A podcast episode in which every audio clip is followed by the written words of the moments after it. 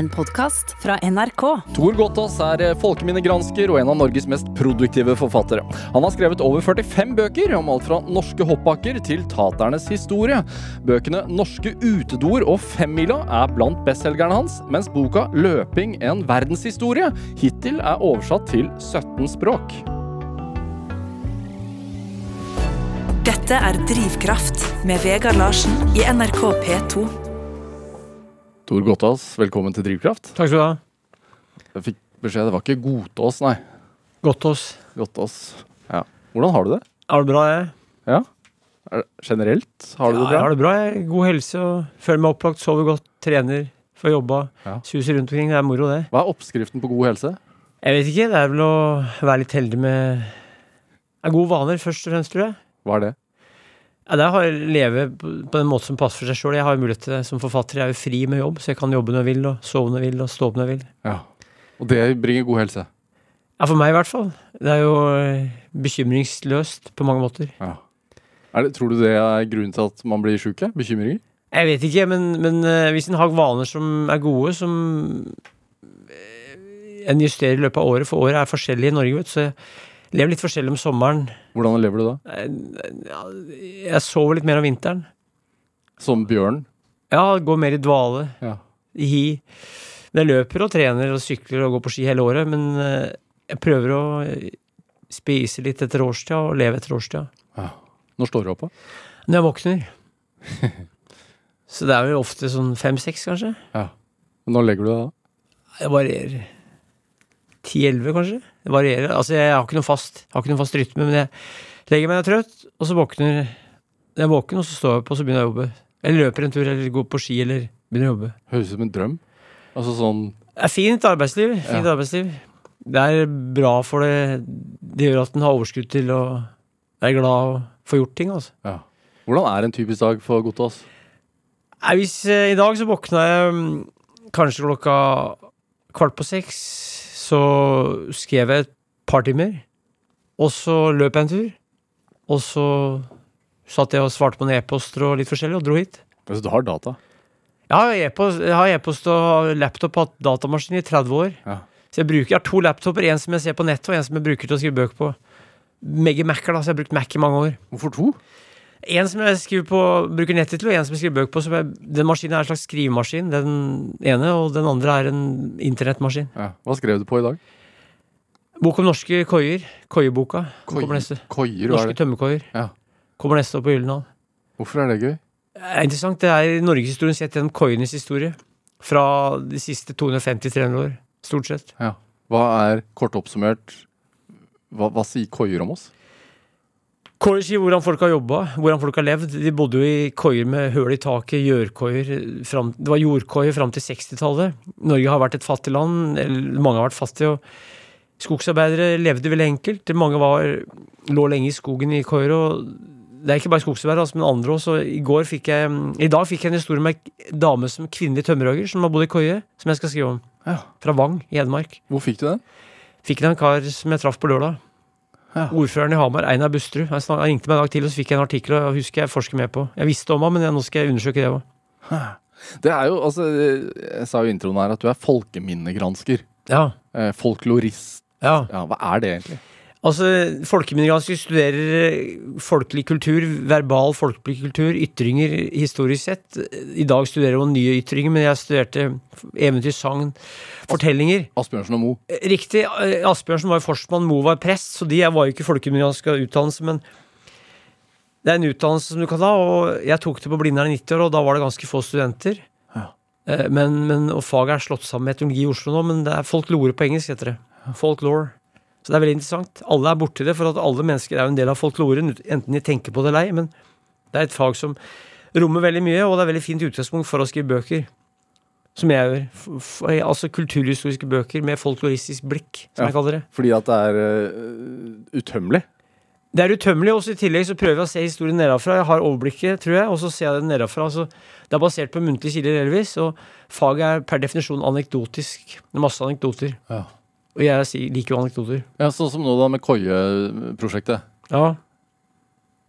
Hvordan finner du de historiene? Altså, Du nevnte jo denne det, det, er så mye, det er så mye historier. Akkurat som norske opphakker, så er det uendelige historier om norske koier. Det er uendelige norske ko- tømmerkoier. Og jeg deler den med Marius Negård Pettersen, han fra Nittedal som skrev boka 'Hemmelige hytter'. Vi skriver den sammen. Ja.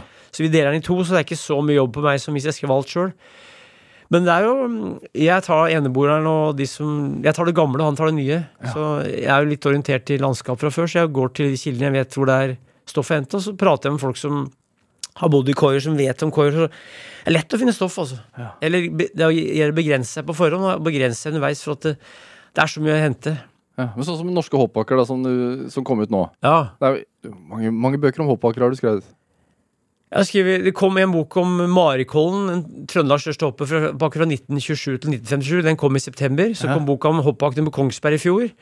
Og så kom boka om Før etter Wirkola 2017, som er om hoppsporten og hoppbakkene. Men eh, Det er kanskje fire-fem bøker om ho- skihopping og hoppbakker. Men det er òg uendelig mye, for hver bygd og hver by hadde jo mange hoppbakker. Og det er fortellingen om de jeg er ute etter. Ja. Hva folk husker fra de, og hvordan livet i hoppbakken var.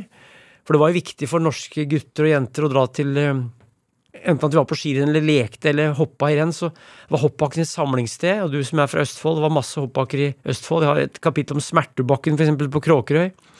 Det er bilder av hoppbakker fra Fredrikstad. Det var Mysen, Trøgstad Det er masse skihopping. Verdens eldste hoppbakke er i Klappane i i Kristiansand fra 1877. Verdens eldste bakke i bruk. Nå er det plastbakke der. Den er 145 år gammel. Svalbardkollen er med, hoppbakke på Svalbard. Når Oslo var verdens største hoppbakkeby, med kanskje 300 bakker på det meste gjennom tiden registrert. Så det var enormt mye hoppbakker, og det, det er den folkloren og kulturhistorien der som jeg beskriver i boka, rikt illustrert. Ja. 512 sider med ca. 250 bilder. Hva, hva betydde hoppbakker for folk? Det var det det var vinterlig 17. mai.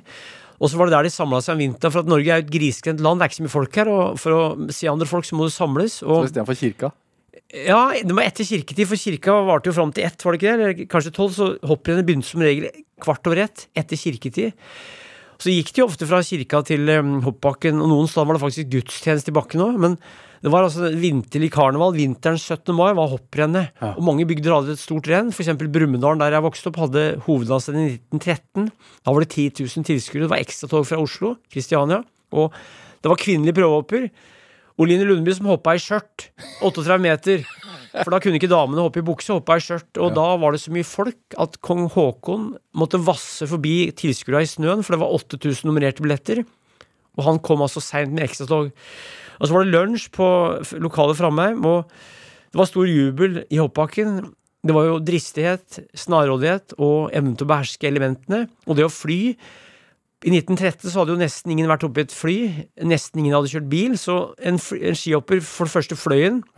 For det andre så kjørte den på ski fortere enn folk hadde kjørt hest. Eller, ja, det var veldig eksotisk og spennende og spektakulært, det med skihopping. Og vi kom jo ut av unionen fra Sverige på ski, gikk på ski, hoppa på ski ut av unionen. Og skihopping er en norsk oppfinnelse. Hoppbakken er en norsk oppfinnelse. Ski er kanskje kinesisk, russisk, men nå norsk og nordisk. Men skihopping er per definisjon norsk, og fra Telemark sannsynligvis. Ja. Når var det de begynte å råtne? da? For det står jo skibakker rundt omkring, eller hoppbakker overalt. og I 1960 så datt den mellomste Bekkelagsbakken ned i Bekkelagsrennet, verdens største gutterenn, og verdens største hopprenn, og da fant de ut at det var farlig å hoppe på ski. Før så hadde det ikke vært farlig å hoppe på ski, det var helt greit å dette og få hjernerystelse og, og slå seg, men det var farlig å gå langrenn, for da kunne lungene og hjertet bli ødelagt hos oppvoksende, altså hos unger. Ja. Så da begynte de å sjekke om bakkene var solide og tålte vekten av mange folk, og da reiv de ned mange bakker. Fra 1960 så ble det farligere, og da fikk unge lov til å gå langrenn fra 61-62. Så da fikk langrenn en større plass i ungdommens eh, univers om vinteren. For eh, skihopping var nesten den eneste sporten gutter kunne drive med om vinteren i Norge. I Sverige og og Finland kunne gå langrenn, i Norge var det skihopping som var det store. Ja. Så kom TV-en, da, selvfølgelig. TV-en kom, over, flere så på TV. Mange ser jo hopprenn på TV fortsatt, men det er ikke så mange som er i bakken som da. og TV-en kommer fra august 1960. Prøvesendingen var det før, men faste sendingen var fra august 1960 i NRK. og det ble en stor TV-idrett, skihopping. Mange kjøpte jo Oddvar Brå kjøpte jo Familien til Oddvar Brå kjøpte jo TV til 1962, for da var det VM i Zakopane. Og da hoppa Torgeir Brann, eller han eh, Toralf Engan fra Hølonda hoppa der, og det var en grunn til å kjøpe TV-en, var å se skihoppere skøyteløpere og ski- langrennsløperne på TV Ja. direkte fra mesterskap. Hvordan er det inni huet ditt, eh, Gotas? Du husker så mye. Nei, jeg har vondt for å glemme. Ja. Men det er ganske vanlig, jeg tror jeg, at folk er sånn. Men eh, jeg vet ikke, så uh, Fatter'n hadde klisterhjerne best for oss, og det er jo litt arvelig, men det går litt på interesse òg. For det, jeg vet, kan ikke si det er fargen på én gardin i huset mitt. Jeg er ikke så opptatt av gardiner. Nei, det tror jeg ikke på. Nei, jeg vet ikke. Jeg kan ikke si fargen på én gardin. Kanskje hvis jeg tenker etter, men jeg, gardiner er ikke det jeg er interessert i.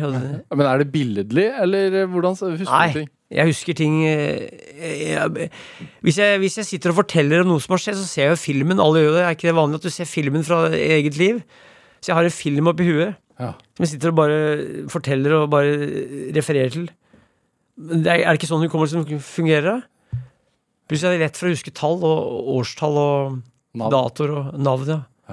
Men det er en egenskap som være trenbar. Skriver du ned ting når du, når du prater med folk, eller er det bare minne? Jeg-? Jeg gjør det. Jeg, det hender jeg tar opp, jeg noterer, men som regel skriver jeg ut intervjuet uten å se på det jeg noterer, for jeg sitter og følger med godt òg. Ja. Jeg har brukt opptaks eh, noen ganger og gjort det med Northug. For, for han tok opp Peter har jo mobiltelefon. Der er opptak. Men det beste er å høre og ta opp hvis noen liker at du tar opp. For det er ikke alle som er like avslappa hvis du tar opp.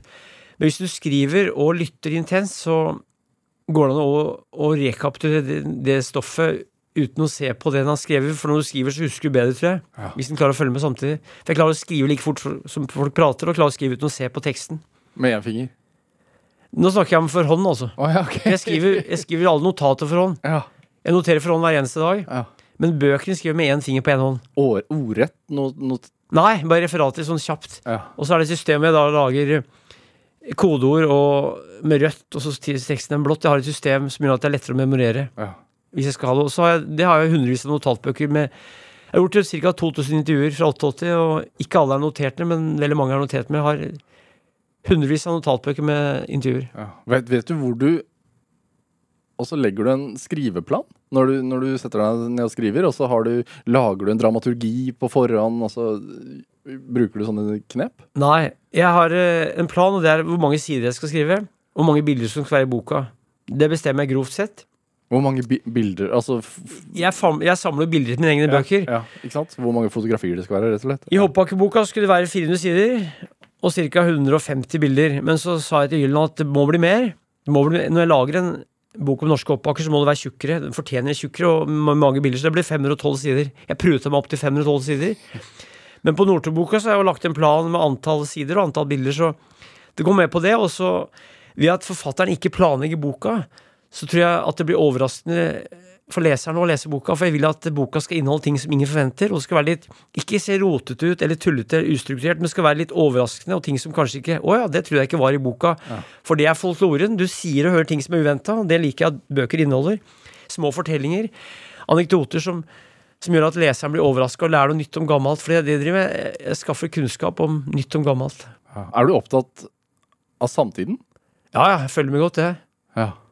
Men, men, men prøver du at, at, altså de temaene du skriver om, skal si noe om samtiden vi lever i nå, eller er det sekundært? Det sier jo noe om samtida, i den forstand at jeg er jo prega av samtida og skriver med samtidas blikk. Delvis så noe av det stoffet mitt blir kanskje speila i, i samtida fordi jeg skriver om noe som er annerledes enn i dag, og da har jeg et blikk som er prega av det. Og jeg romantiserer ikke fortida, men jeg prøver å beskrive det mest mulig mentalitetshistorisk mentalitetshistorisk riktig, sånn som jeg mener at det er. For det er ikke noe fasit jeg har, altså. Men jeg har jo snakka med gamle folk som ofte kjenner periodene jeg skriver om. Men det er klart, hvis du skriver om 1850, så er det ikke så lett å spa opp noen gamlinger som lever, som kunne så mye om den tida. Men det fins jo kilder som kan belyse det.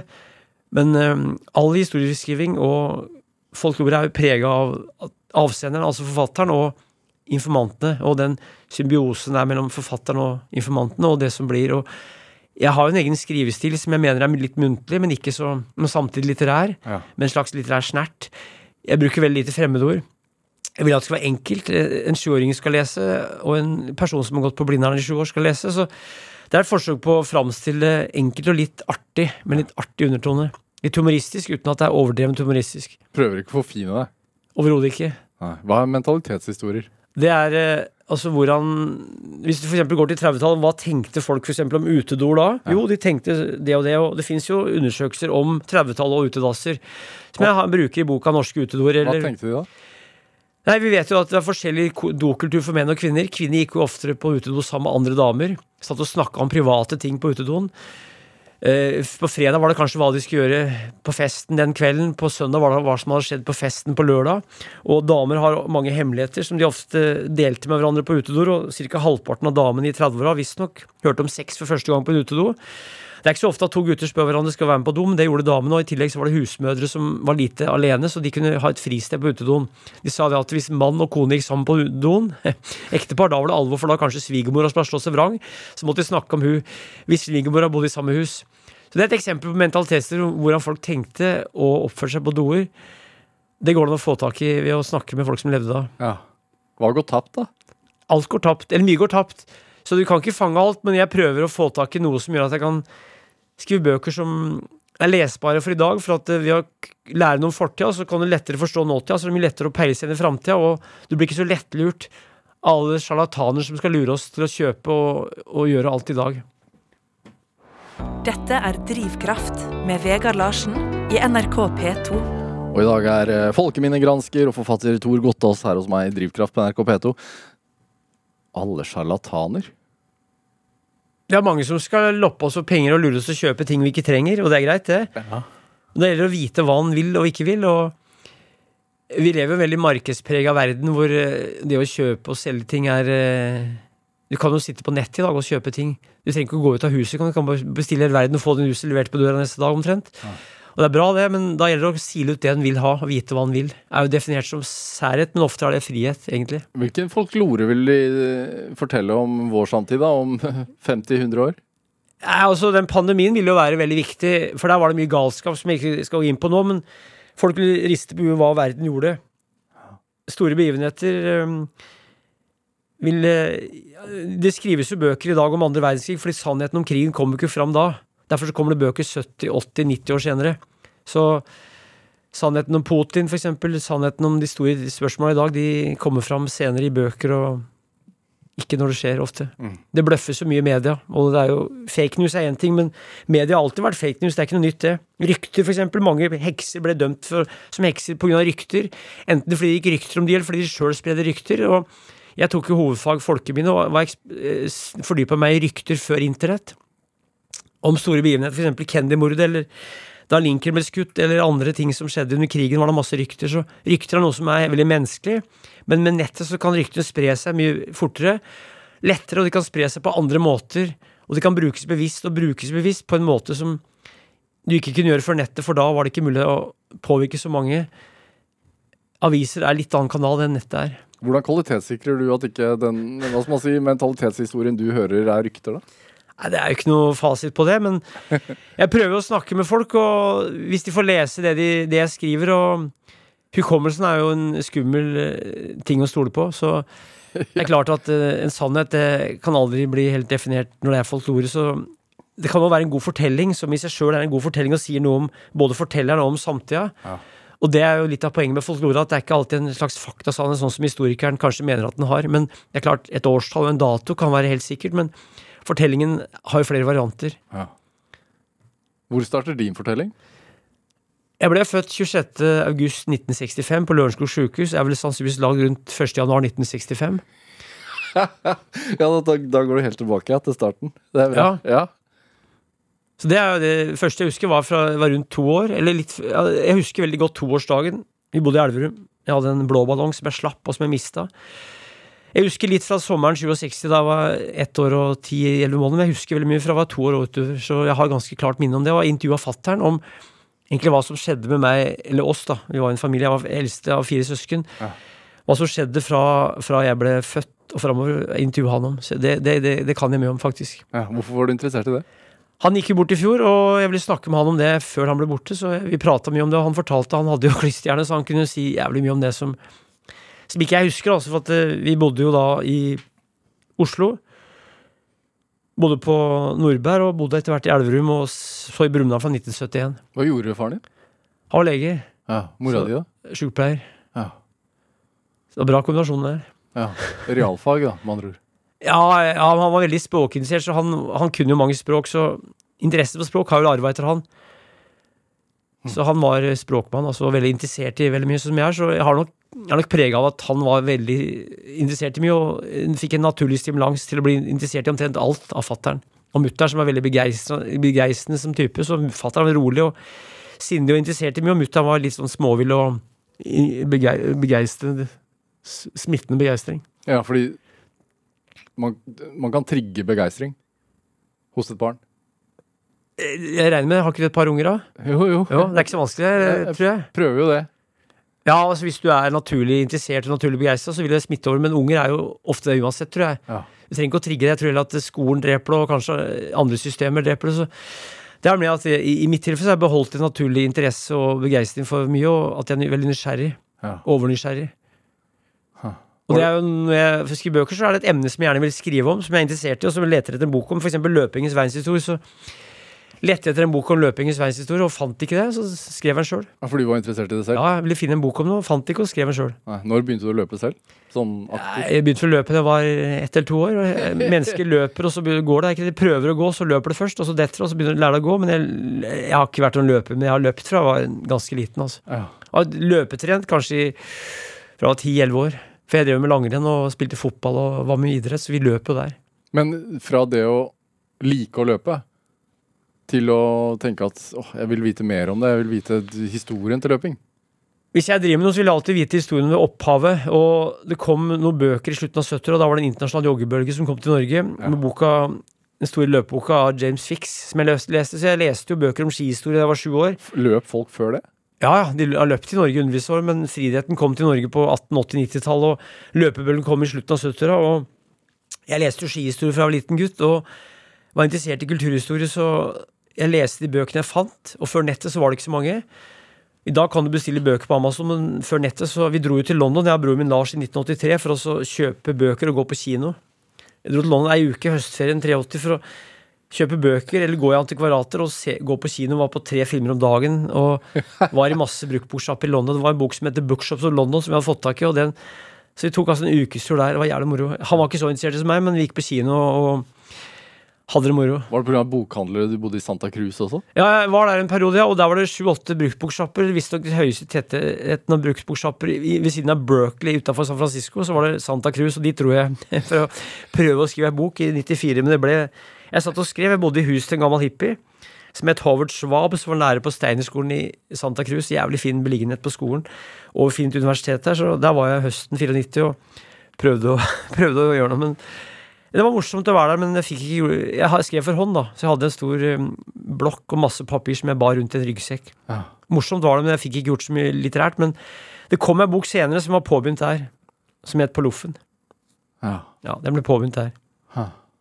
Var, var den, den handlet ikke om taterne? Kom i 2001. Det er Loffernes historie. Ja. Taterne kom i 2000, og Livskampen og eventyret Taternes historie kom i 2000. Ja. Det er den store boka jeg skrev om taternes kultur i norsk kulturhistorie. Ja, For det var en av første bøkene du skrev? Første var ta holdninger til tatere sett i historisk perspektiv. Som het, boka heter Tater i norsk folketradisjon, som kom i 99. Så kom Tateren i 2000. Så kom Loffen i 2001. Så jeg har tatt for meg det med vandring. Og Fire- fortellertradisjon, da. ja, som de ja. Fire bøker om, om loff, fire bøker om tatere, og diverse bøker om vandrere, loffere og eneboere. Ja. Hvorfor var det så interessant? Nei, jeg liker jo eneboere. Det er originale typer som ofte sier mye om samfunnet de er en del av. Alle er interessert i slike folk, men det er ikke alle som skriver bøker om det. Det gjør jeg. og Veldig mange er interessert i å høre om originale typer, for de har en slags funksjon i et samfunn. De viser at en sjøl er såkalt normal. Hvis noen skiller seg ut, så viser de at 'å, jeg er normal, jeg er fint, å, bra'. Jeg tilhører Bermen eller Delott eller øh, massene. Og da har øh, originalen en slags øh, normaliserende funksjon på resten av de som betrakter originalene. Ja. Hvordan blir du betraktet, tror du? Jeg vet ikke. Hva, men er du opptatt av Nei, jeg, Er du opptatt av å øh, passe inn? jeg er jo ikke det. Jeg har aldri vært det, så det bryr meg ikke om det. Men jeg er ikke noe sint eh, rebell eh, eller anarkist. Jeg er mer bare opptatt av å gjøre min ting, og så lenge jeg gjør det og ikke bryter loven, så må jeg få lov til å gjøre det. tenker jeg, I det norske samfunnet. Vi er heldige som bor i Norge, for det er ikke sikkert alle kan gjøre det i alle land, men jeg bare driver mitt. Jeg, og syns det er moro, og, når andre syns det er moro, så er det enda artigere for meg, og da er det en ekstra motivasjon til å fortsette. Ja. Det med eh, Godtas, du har med jo Du har med litt musikk av en skal man si, en annen forteller? Er, er Dylan en folklorist, tenker du? Bob Dylan hadde jo Buddy Guthrie og Jack Kerouac og andre fortellere som helt. Dylan er jo musiker, poet. Um, han er en forteller på sin måte. Han, mange av tekstene handler om livet til Dylan. Hvis han synger sangen I Want You, for eksempel, I Want You, så er det vel for sikkert at han vil ha ei dame. Og hvis han skrev tror jeg, for jeg tror at han skjønte tidlig Han begynte med prosessanger og, og var jo rocker, egentlig, kanskje, eller countrymusikk. Jeg er ikke noen ekspert på Dylans historie, egentlig, men og så og tror jeg en periode i skrev tekster som handler, handler om eget liv. Og det har han i hvert fall sagt i intervjuer, at eh, han vil ikke si noe om privatliv, for det har han bretta så jævlig ut i de, mange av de tekstene, men de er litt kryptiske, for de er jo poetiske. Jeg liker han veldig godt. Ja. Jeg var på konsert med ham i 1981 i Drammenshallen. Jeg var 15 år. Første konserten jeg var på, jeg kjøpte billett via noe som het Electric Circus, som var i butikk i Oslo. Du kunne ringe klokka ni en mandag, og jeg ringte klokka ni en mandag, fikk svar, og fikk billett på Dylan-konsert. Det var to konserter. Så var jeg på Ullevi 84, og det var dårlig, for han er veldig ujevn. Men um, jeg har ikke vært på den de siste året. Jeg skulle vært på en konsert i Oslo nå, men jeg, jeg, hadde, jeg kom dit tilfeldigvis og hadde en laptop i sekken, og du måtte gi fra deg laptop for, for å komme inn, og, jeg, og det ville jeg ikke. Så traff jeg en kar, eh, Øystein Greni. Han, han hadde fått en billett som jeg egentlig skulle ha, men jeg skulle ha foredrag i Stavanger, men det ble, det ble utsatt eller avlyst. Så jeg, jeg hadde muligheten til å dra, men så hadde jeg med en laptop, for jeg kom tilfeldigvis fra utenbys med et tog. Så jeg dro innom eh, Spektrum, og der var Øystein, og der kunne jeg få en billett, men jeg hadde altså en laptop i sekken som jeg ikke ville legge fra meg, fordi jeg ville ikke Jeg hadde jo alle bøkene, jeg har skrevet 45 bøker pluss 15 som ikke er gitt ut, så jeg kan ikke gi fra meg en laptop for å høre på Dylan. Også. Han satt visst på piano, og så gikk han opp og booka og takka publikum. 81 år, og han har 100 konserter i året. Og har hatt det fra 88, og Kygo ble utbrent. Han hadde, var det 78 konserter på ett år? Ja. Så Dylan har stamina. Altså han, har utholdt, han sa det at eh, han lærte utholdenhet av finske og norske tømmerhuggere oppe i Minnesota der han vokste opp, så han har skikkelig utholdenhet. Jeg tror han farger håret. Og går sannsynligvis på testosteron og kanskje veksthormoner, men det er greit, fordi gutta gjør det. Dylan gjør det, og Bruce Springsteen og Klinteren tror jeg gjør det òg. Hormonbehandling for å holde seg unge og spreke og kveke. Dette vet jeg ingenting om. Det. Jeg tror det. Ja. Uh, vi skal høre Like a Rolling Stone. Hvorfor akkurat den? Jeg hørte den første gang i Jeg var ca. 14 år, og da var på en LP-plate. Vi måtte kjøpe en LP, for i radioen i Norge på 70-tallet så var det ett program hver mandag som het Pop Spesial. Gikk det fra halv åtte til halv ni, eller var det fra halv Jeg tror det var det det var. Ivar Dyrhaug og Sigbjørn Nederland. Jeg hørte på det. og jeg husker jeg hørte Bruce Springsteen første gang, og jeg hørte Dylan første gang. Ikke der, men jeg hørte om Dylan, for naboen Trond Nilsen i Brumunddal han var, var på Dylan-konsert i, i Göteborg. Og så hørte jeg han spille Dylan i hagen, så kjøpte jeg en Dylan-plate, og da hørte jeg Like Rolling Stone. Og den, den traff meg som en veldig kraftfull sang, og den har jeg hørt på senest i dag tidlig. Er det sant? Ja, ja. Hørte på den i går, og dagen før, og dagen før der, og. For å jazze deg opp Nei, for jeg liker den stemningen som Dylan eh, skaper, og det er en veldig bra sang. Den er lang. Jeg er fra 65, mener jeg, det året jeg ble født. Ja. Og jeg liker Dylan fra den tida, for han var veldig energisk, og mm, han har ikke blitt så gammel ennå. Han hadde jo fått dame og kanskje noen unger etter hvert, men han, han var altså fortsatt veldig eh, skapende og kraftfull og nyskapende i rocken, og leda rocken videre Ja. sammen med mange andre. hva er det du tenker på? Hva er det det gir deg når du hører den? da? Altså For å bruke et norsk ord, kick, altså. Eh, Det, er- det, er- jo ikke et norsk ord, men det gir en eh, slags gjenklang i, eh, i sjela som er vanskelig å beskrive. Det må bare oppleves. Ja, det kan ikke, be, kan ikke beskrives, kan erfa, erfares, Ja, tenker jeg. skal vi høre? Ja, Blir kick i studio, da. ja.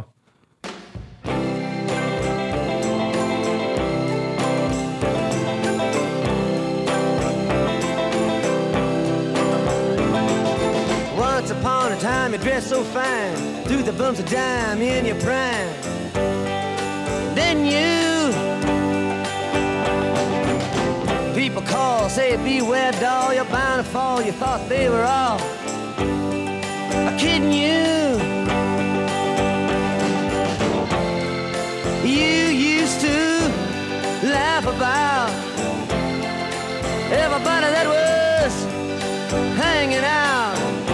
Now you don't talk so loud. Now you don't seem so proud about having to be scrounging. Your next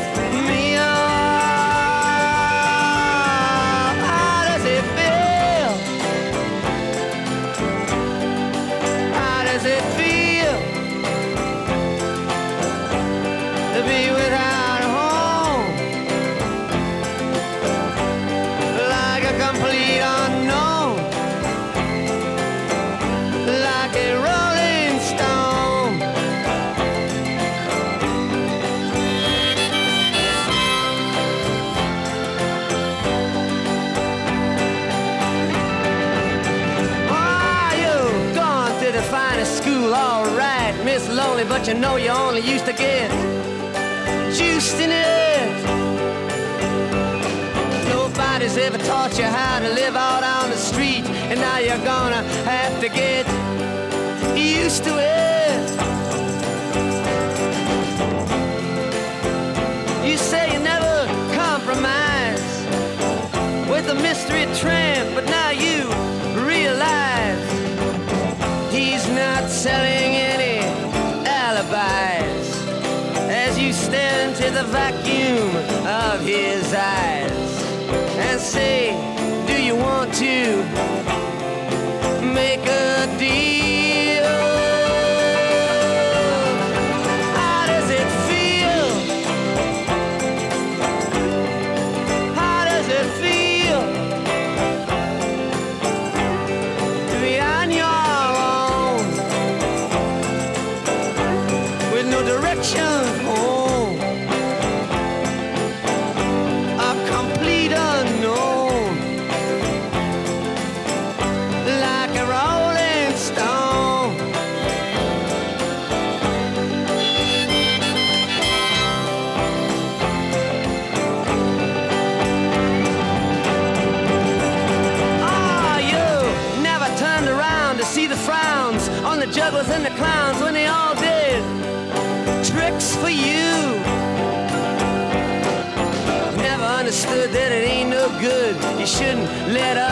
people get your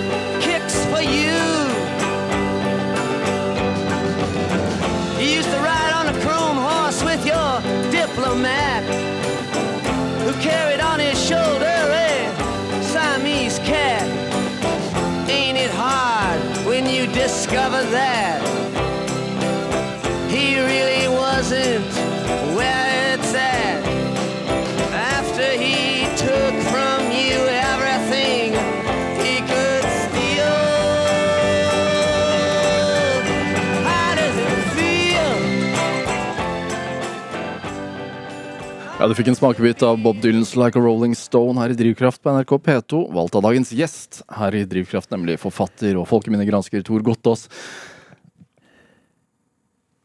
Hvis vi går tilbake til barndommen igjen. Du sa i en sånn bisetning at uh, Hva har du kalt det skolen? Et uh Fengsel. Ja, var det noe sånt? Skolen jeg gikk på, Fagerlund skole, oppretta i 1948, ble kalt fengsel. Den så ut som et fengsel. Og det var en murbygning.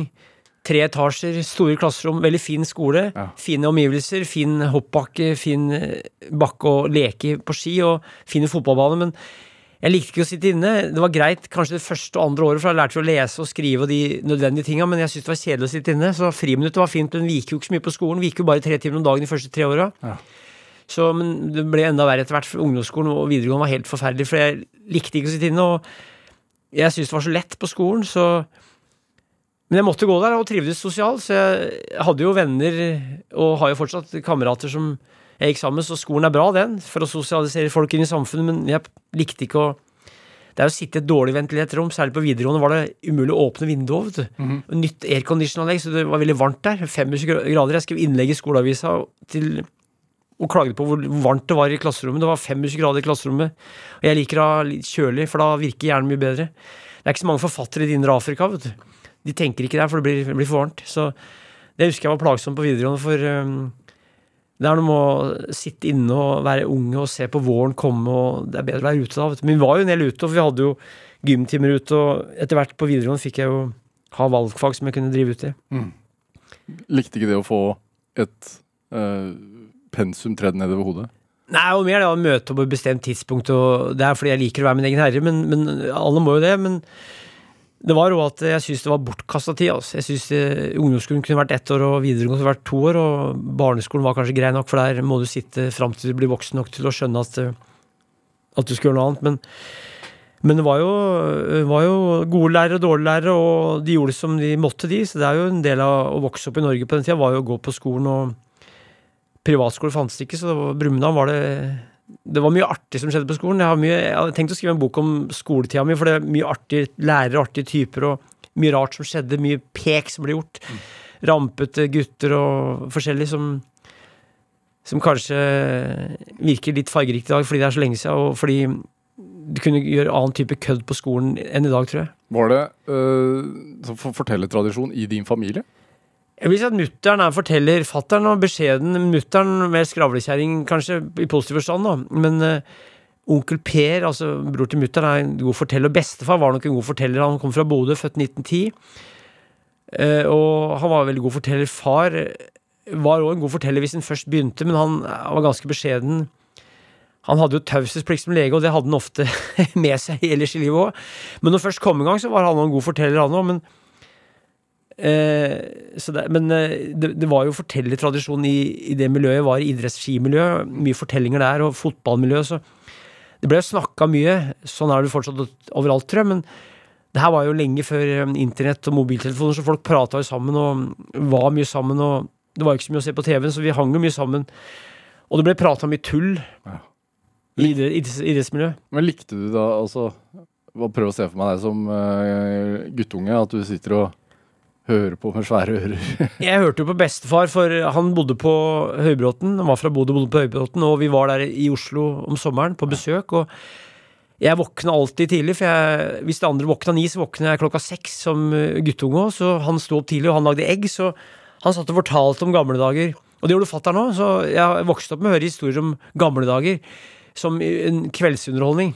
Eh, morgenunderholdning hos bestefar eh, særlig, og, men også som kveldsunderholdning. Fatter'n kom og fortalte om gamle dager, og det var jo fra han vokste opp, og vi syns jo 50-tallet var gamle dager da, og det her var på 70-tallet, så det er en definisjon Når du har levd i fem år, så høres jo 20 år lenge ut, for det er fire ganger så lenge som du har levd, men det var ikke så gammelt allikevel, men vi trodde det var gamle dager. Ja.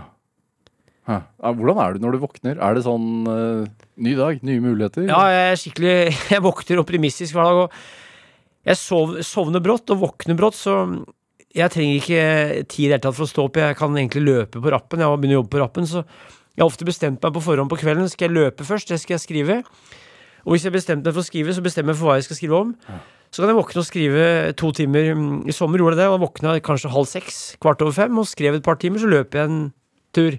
Og da har jeg gjort et dagsverk. Jeg jobber jo mer, men da har jeg gjort det viktigste som er å skrive, og så har jeg forskjellige gjøremål i løpet av dagen som forfatter.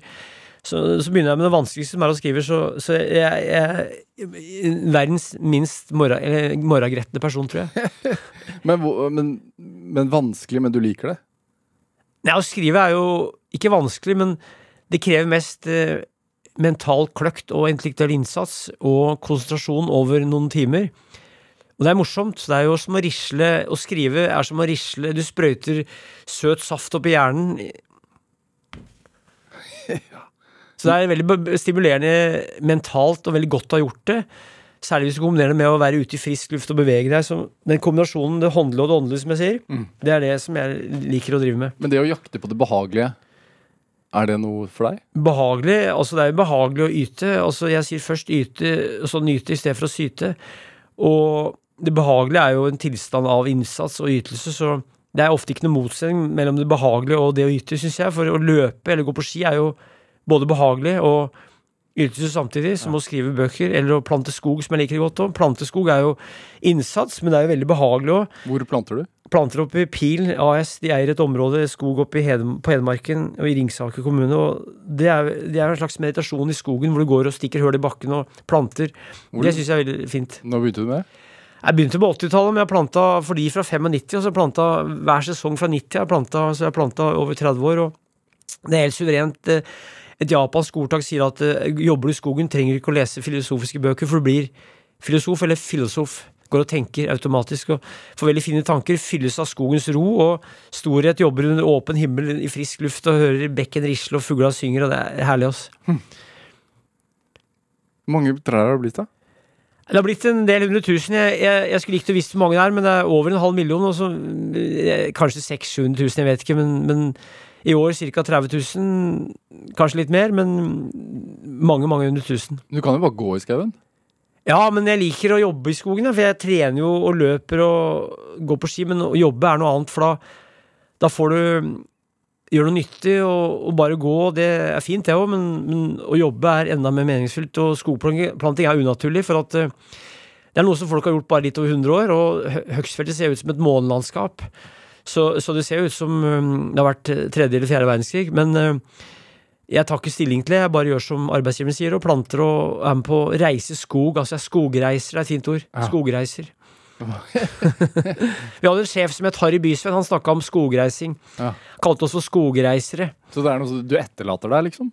Ja, masse skogtapper oppi der. Nå planter vi et felt på 100 mål, og det er over 100 mål, og det står der. og Det er et felt oppi der som jeg og fatter'n planta. Vi brukte par-tre år på det, var, det var så langt langs veien, og det vokser opp. Så kan vi kjøre bil og se at det står masse skog som vi har reist, og det syns jeg er morsomt og tilfredsstillende. Det vil jo høgde ned om 70 år, kanskje, eller 60 år, men det er artig å etterlaste noe skog som står Hvert tre lever sitt eget liv. Det suger opp vann fra jorda, og så svaier i vinden. Hvert tre, så Hvis du legger det ned på bakken og ser et tre oppover, så ser du at et tre nesten alltid beveger seg. Uansett om det er vind. Det ser ut som det er stille, men tre er som et vesen. Det har Du prater sammen nå, gjør du ikke det? Jeg tror det. Ja. Jeg vet ikke om alt som står i den boka, 'Trærnes hemmelige liv', er sant, men de har et slags liv som vi ikke vi skjønner. Vi vibrerer kanskje på en annen frekvens enn oss, Ja. tror jeg. Men er det liksom meditasjon for deg, da? Enormt. Ja, ja. Ja, og Og, det er jo akkurat som å gå på ski, men når du går på ski, så beveger deg, men når du planter, så beveger du ikke så fort. Men det er en veldig ro, og det er en tilfredsstillelse, og du bruker hele kroppen. Og du går bøyd, for at eh, når mennesker bøyer seg, så bruker du masse muskler, har jeg lest og hørt og erfart, i magen, som er viktig for å sove godt. Urmennesket gikk sannsynligvis rundt og sanka mye, og da bøyer du deg, og da blir du ydmyk overfor eh, moder jord, og så, og så sover du godt, og så blir du godt humør. Miljø. Fin ansiktsfarge. Altså miljøperspektiv, dette her. Overhodet ikke. Jeg tenker ikke på det. Eh, Jeg tenker planter fordi jeg syns det er morsomt, og fordi jeg har en arbeidsgiver som er ålreit, og liker å gjøre litt nytte for meg utenom å skrive bøker, for det er jo ikke noe ordentlig arbeid for en kar. Å sitte og fingre med én finger, det er jo ikke noe det er ikke noe mannfolkarbeid, egentlig. Så jeg må prøve å bli jevnspilt, altså i ytelse. Fysisk ytelse. Mannfolkarbeid, hva er det Har det gått tapt? Nei, men altså, hvis du jobber fysisk, så vil de fleste karer merke, og sikkert damer, men jeg kan bare uttale meg karer fordi jeg er kar, merke at hvis du jobber fysisk, særlig i skogen, så du får jo mer testosteron, kroppen produserer mer testosteron, du blir mer som brødlape på en positiv måte.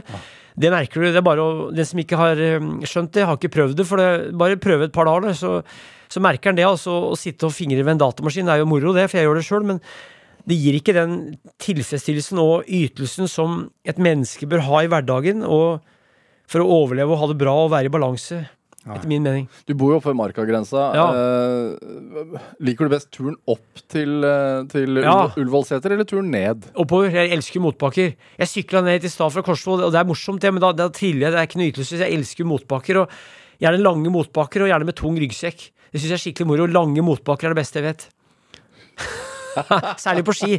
Og på ski og sykkel, men jeg elsker på ski. For det danse oppover Danse oppover Det er, det er herlig å danse oppover opp til Ullevålseter og Skjennungen. Og I Brumunddal er det en løype som heter 17 km. Der var det noen bakker opp mot Veslelia som var helt magiske, på et jorde der. For da må du gå teknisk riktig og, og, og, og ha bra fraspark og, tyngdeoverføring. Og det er noe med å forsere en motbakke. Det syns jeg er herlig. altså. Stolt? Nei, men Det er bare behagelig, og, jeg er jo i god form. Jeg er fortsatt ung, jeg er bare 57 år. Så når jeg er gammel, så kanskje at det er verre, for da er det verre, tror jeg. For at når du er kanskje 70-80-90 år, så er det ikke sikkert at motbakker er så morsomt, men fortsatt syns jeg det er det. altså. Dette er Drivkraft med Vegard Larsen i NRK P2. Og i dag er eh, folkeminnegransker og forfatter Tor Gottaas her hos meg i Drivkraft med NRK P2. Det med eh, Du nevner jo skolen at det var nærmest et pliktløp du måtte gjennom. Men hva, hva, hva var målet? Altså, hva, hva tenkte du at det skulle bli av deg? Jeg hadde lyst til å bli forfatter. Tidlig? Ja, ja. Hvem var det, hvorfor det?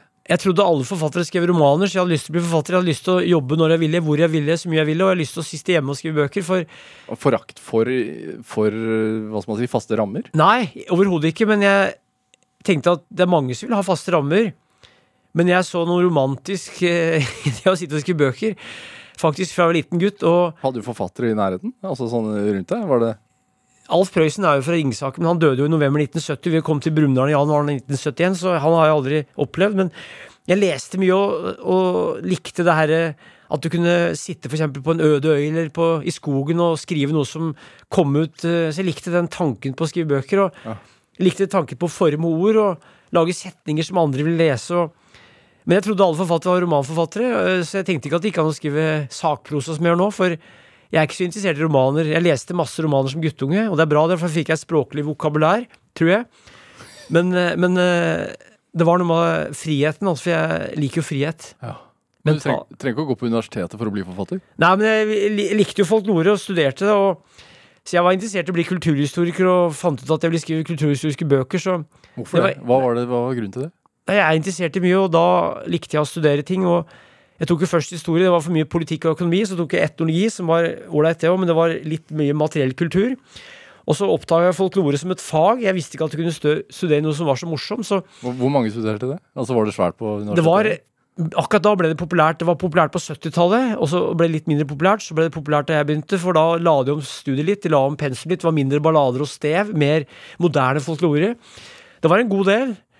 Eh, mest jenter, men det var en god del. Og det var ikke så mange som tok hovedfag, men det var nok til at det var et miljø, og veldig god professor og ansatte, så jeg fikk det skikkelig fint der. Og jeg elska å være på folkloristikk, som var et fag som passa meg. og det ga et springbrett, trampoline til å skrive bøker, så jeg var fast bestemt på det. Da jeg tok eksamen i desember 1993, så sa professor Bjarne Hodne ja, nå har du tatt utdannelse, han. Da gjelder det bare å få seg jobb, da. Jeg har tenkt å bli forfatter, jeg. «Eh, Har du det, sa han. Lykke til, sa han. Så jeg fikk lykkeønskninger av han. Og så jeg, begynte, begynte jeg som snømåker. Første jobben var å bli snømåker før OL. Jeg jobba som snømåker på Sjusjøen, på hyttetak. Jobba for en kar der og var snømåker vinteren 1994. Jobba med, han, Arbeidsgiveren min satte opp lyskaster, så jeg måkte snø opptil 17 timer om dagen for å bli ferdig før OL. Måke snø på hyttetak. Og jobba litt som sjauer og håndlanger for han snekkeren. Beste du har gjort?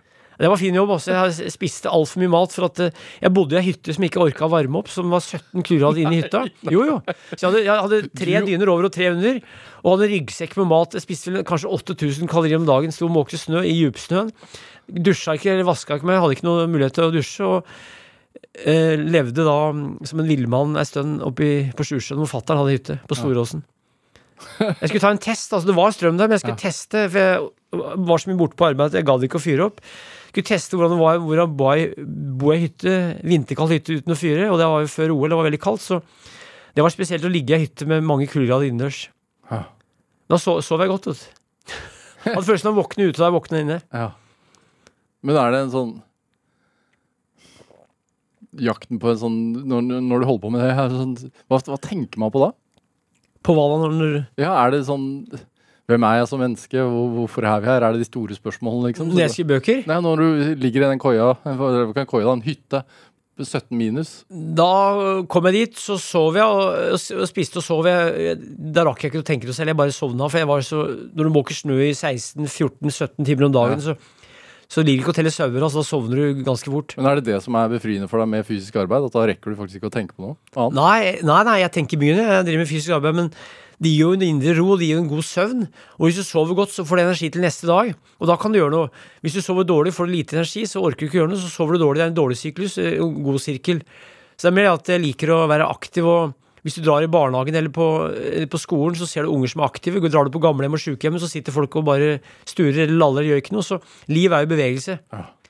Så den, den dag, når du dør, så slutter jo blodet å gå rundt i kroppen. Hjertet slutter å slå. Så døden er stillstand. Liv er bevegelse. Hvordan har du kommet til den erkjennelsen? Altså At det er en sånn uh, mentalitet som du vil altså For du kunne jo valgt som forfatter å sitte mye stille i stedet, og bare skrive.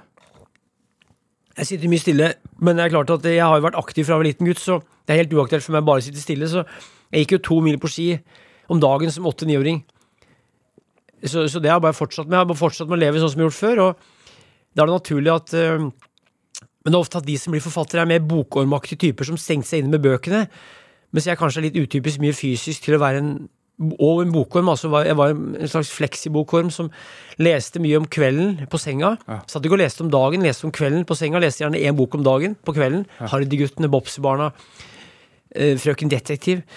Folk leste de bøkene der da. Og, så det var altså en blanding av å være veldig fysisk aktiv og boklig anlagt eller boklig interessert. Så når jeg er det nå, så er det fordi jeg bare fortsetter en livsstil som passer. For at eh, du skal ha god fysikk for å tåle å sitte stille mye. Ja. hvordan står det til med fortellertradisjonen i dag?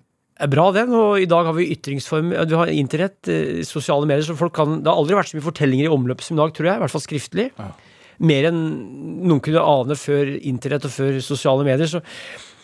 Men det er klart at eh, Og det er mye lettere å skrive enn noen gang, for at alle kan skrive, alle kan en ut, få en utskrift, alle kan lage sin egen bok, for det er ganske billig å trykke bøker. så den står sterkt, den, men det er kanskje uoversiktlig, fordi verden har blitt en jungel av ytringskanaler, og media. Hele verden kan du ta inn i stua eller på kjøkkenet når som helst, hvor som helst. og da forandra det seg, men som Bob Dylan sa i 1963 i sangen The times they are changing. Verden forandrer seg. Det eneste som er stabilt, er at verden er ustabil, og at verden forandrer seg. Men du er glad i YouTube og sånn, vet jeg. Ja, jeg bruker ser på YouTube eh, Jeg ser på mye dokumentarer der, for det er mye å lære. Det er mye dritt på YouTube, men det er veldig mye bra. Så hvis du klarer å sile ut det beste derfra, eller det som en sjøl syns er best, om emner som en liker Ja. For å ha et godt liv, så må du sile ut det beste av det gamle, og du bruker det beste av det gamle og det beste av det nye. Altså det beste fra norsk eh, tradisjon i dag, og, sier sile ut det dårligste i dag, så har du et paradis som er norske samfunn i dag. Sammen med YouTube, det er et veldig fint, um, fint sted å finne informasjon. Og jeg ser mye dokumentarer som er laget, på TV, laget for TV, eksempel. Ja. Når du går i gang med et emne, reiser du da rundt på, på jakt etter eh, informasjon? Jeg har en idé, og så noterer jeg masse momenter. Jeg har en eh, notatbok, og så skriver jeg bokidé, så daterer jeg det, og så skriver jeg masse momenter med en gang. Ja. For, jeg for eksempel. Nei, altså bare tanker som renner ut av huet. Eh, og det er mye rart, for jeg har mye rare tanker, så Utedoboka, da, for eksempel. Hvordan Det var en som het Roar Wingersgaard som hadde ideen fra Trysil, så jeg sa ja til å skrive den. Han tok mye bilder og var med å samle stoff, men der var det jeg som gjorde den grojobben, men han hadde ideen, og det var litt annerledes fordi han hadde ideen, men hvis jeg har ideen, så så skriver jeg ned momenter, og så begynner jeg å tenke hvor finner jeg stoff, og så bestemmer jeg hvor tjukk boka skal være, hvor mange sider jeg skal skrive, og så, og så legger jeg en slags en løs plan. Sier til forlaget den skal komme ut eh, 10. oktober eh, 2024. Og så mm, har jeg alltid god tid, for jeg setter deadline sjøl, og har alltid god tid. Jeg liker å Nå har jeg fulgt ut kanskje ut nytt 2024 med bøker som jeg har planlagt i huet mitt, og som er delvis avtalt med andre. Men Ringer du rundt da, til folk, eller banker du på døren, eller hvordan? Eh, Noen ringer jeg til, noen sender jeg brev til, noen sender jeg e-post til. eh, Kontakter på den måten som er best. Ja. Som jeg vet at de vil svare på. Noen sier nei, veldig få sier nei, men de fleste stiller opp. Informanter er morsomt, og på Utedoboka så hadde jeg ikke så tid til å reise rundt. Jeg reiste rundt med Alvo Brå hadde foredrag, vi hadde 87 foredrag, og da sa jeg til forsamlingen jeg skriver en bok om norske utedoer. Er det no, noen som har noe å fortelle? Og det hadde mange. Så da fikk jeg masse stoff ved å snakke med tilfeldige damer og menn på foredrag rundt i Norge. Så det er en måte å, for det var folk folkloren om utedoer. Det var en perfekt måte å samle det på. Alle har en historie. Akkurat som norske hoppbakker. Alle norske menn over 50 år, eller 40 år, har en hoppbakkehistorie, og veldig mange damer. Ja. For de har kanskje ikke hoppa sjøl, men de har, har noe å si om hoppbakker. Så det var en måte å samle stoff på. Bare snakke med vanlige folk. Og Utedoboka, omslaget, fikk jeg på et foredrag på Nannestad, for det var en dame som henta meg på Gardermoen. Jeg tok toget dit, og hun hadde bilde på mobilen som var, ble omslaget på boka. For jeg nevnte, Hun spurte hva jeg driver med, norske så og det var et perfekt omslagsbilde som hun hadde på mobilen. Ja. Og baksida, det var hørte jeg hos naboen, det var en fest der, så var det en dame som hadde bilde fra en dos som kom på baksida av boka. Får du inntrykk av at folk sitter og nærmest venter på at oi, endelig var det noen som spurte? Jeg har inntrykk av det, ja. ja, Ja. Det er mitt inntrykk, ja. Ja. Og så må jeg ta folk før de dør. Snakke med før de dør. For jeg har intervjua folk på dødsleie flere ganger, og det er litt spesielt, men folk som da jeg snakker med, som kanskje ligger for døden, og som dør før boka kommer, det har skjedd flere ganger. Ja. Ganske mange ganger, faktisk. Godtås, hva har du, Føler du at du har god tid? Faktisk bedre nå enn jeg hadde før, for at eh, jeg var ikke redd for, men jeg hadde lyst til å skrive en del bøker. I begynnelsen tenkte jeg kanskje fem bøker. Men så ble det jo 15, 25, 35, og nå har det 45. Det er ikke om å skrive mest, det er om å skrive best, men jeg har dekka de fleste emnene som jeg i utgangspunktet hadde lyst til å dekke. Så jeg sier ikke at jeg er fornøyd, men hvis jeg slutter å skrive bøker nå, så vil jeg være fornøyd for at jeg har fått dekka så mye emner om så mye, men derfor syns jeg faktisk nesten at jeg har bedre tid nå enn jeg hadde for ti år siden. Men samtidig så vet jeg det at hjernen virker jo ikke evig. Så jeg prøver å bruke den, og nå er jeg en veldig god alder for å skrive bøker, for at øh, jeg tenker noe mellom i alderen min nå og litt framover, og så er jeg fortsatt øh, kvek, altså kvikk i huet, og har god helse, og da er det lett å skrive bøker. For har du dårlig helse, så tar det oppmerksomheten bort, og det er vanskelig å skrive bøker hvis du har dårlig helse, for du skal jo reise rundt, du skal jo prate med folk, og dårlig helse ødelegger mye. Eller, eller, eller sykdom, da. Altså Hvis en er sjuk, så, så må en jo pleie sykdommen, ikke mm, skrive bøker. Så. Hva er drivkraften din, da? Interesse. Ja. Kan, jeg har ikke noen annen forklaring. Det er naturlig interesse, og at jeg er heldig som kan være interessert i noe, undersøke det, formidle det videre til andre, og til og med få betalt for det. Og andre liker det. Og det kanskje har en slags samfunnsnyttig funksjon for Norge som en nasjon. Hvor altoppslukende er det? Altså, Hvordan er det å bo med deg? Nei, jeg mener jo sjøl at jeg er veldig enkel. Jeg står opp om morgenen, og så driver jeg med det hele dagen. Så jeg mener at, eh, at Det er ikke altoppslukende i den forstand at jeg ikke gjør noe annet. Jeg gjør mye annet òg, men, men jeg liker å være veldig konsentrert om det jeg gjør når jeg gjør det. Ja. Så det er noe med at um, At jeg kan ikke uttale meg om hvordan det er å bo med meg, det må du spørre andre om, men, eh, men eh, det, det har gått bra, det, så langt. Ja, ja, ja, ja. Jeg bare tenker sånn Når du er så i det, at det er det det emnet. For å skrive en bok så bør du være konsentrert om noe over lang tid. Du må ha lange tanker, som jeg sier, og over uker og måneder. Men jeg tar gjerne perioder, jeg. På en måned eller to hvor jeg jobber med én ting, og så kan jeg hoppe til en annen bok. Så, og så er det noe med at um, om du ikke jobber med det For jeg skriver ikke så lenge per dag, jeg skriver kanskje to-tre timer. Ja. Så det er en intens konsentrasjon i å skrive, og så mye tankevirksomhet. Men um, jeg mener sjøl at jeg ikke er noen nerd eller fagidiot, og ikke noen sportsidiot, men at jeg er mer interessert i verden og mennesker. og liker å undersøke og har en, en nysgjerrighet som jeg tror mange unger har, men som ofte går tapt fordi skolen og systemet, eller systemene, ødelegger. Tor Gotaas, tusen takk for at du kom til Drivkraft. Takk. Hør eh, flere samtaler i Drivkraft på nrk.no eller i appen NRK Radio. Eh, send oss gjerne ris eller ros, eh, og gjerne også tips til mennesker som du mener har drivkraft. Send den e-posten til drivkraft.krøllalfa.nrk.no. Vi hører veldig gjerne fra deg. Produsent og researcher i dag var Camilla Bolling-Muir. Dette var Drivkraft. Jeg heter Vega Larsen. Vi høres. Du har hørt en podkast fra NRK. De nyeste episodene hører du først i appen NRK Radio.